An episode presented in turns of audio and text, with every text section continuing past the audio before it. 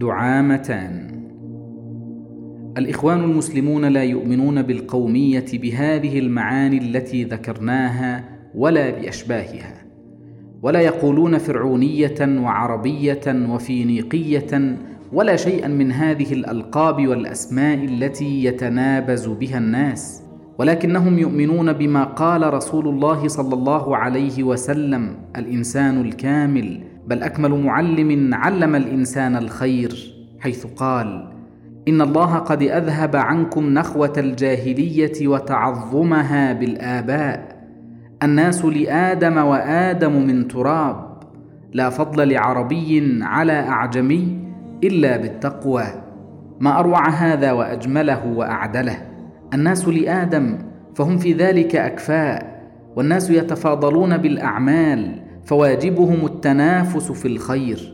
دعامتان قويمتان لو بنيت عليهما الإنسانية لارتفعت بالبشر إلى علياء السماوات.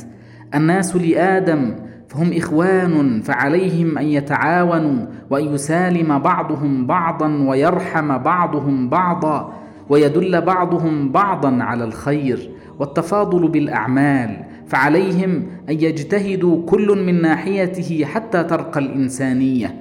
فهل رأيت سموا بالإنسانية أعلى من هذا السمو أو تربية أفضل من هذه التربية؟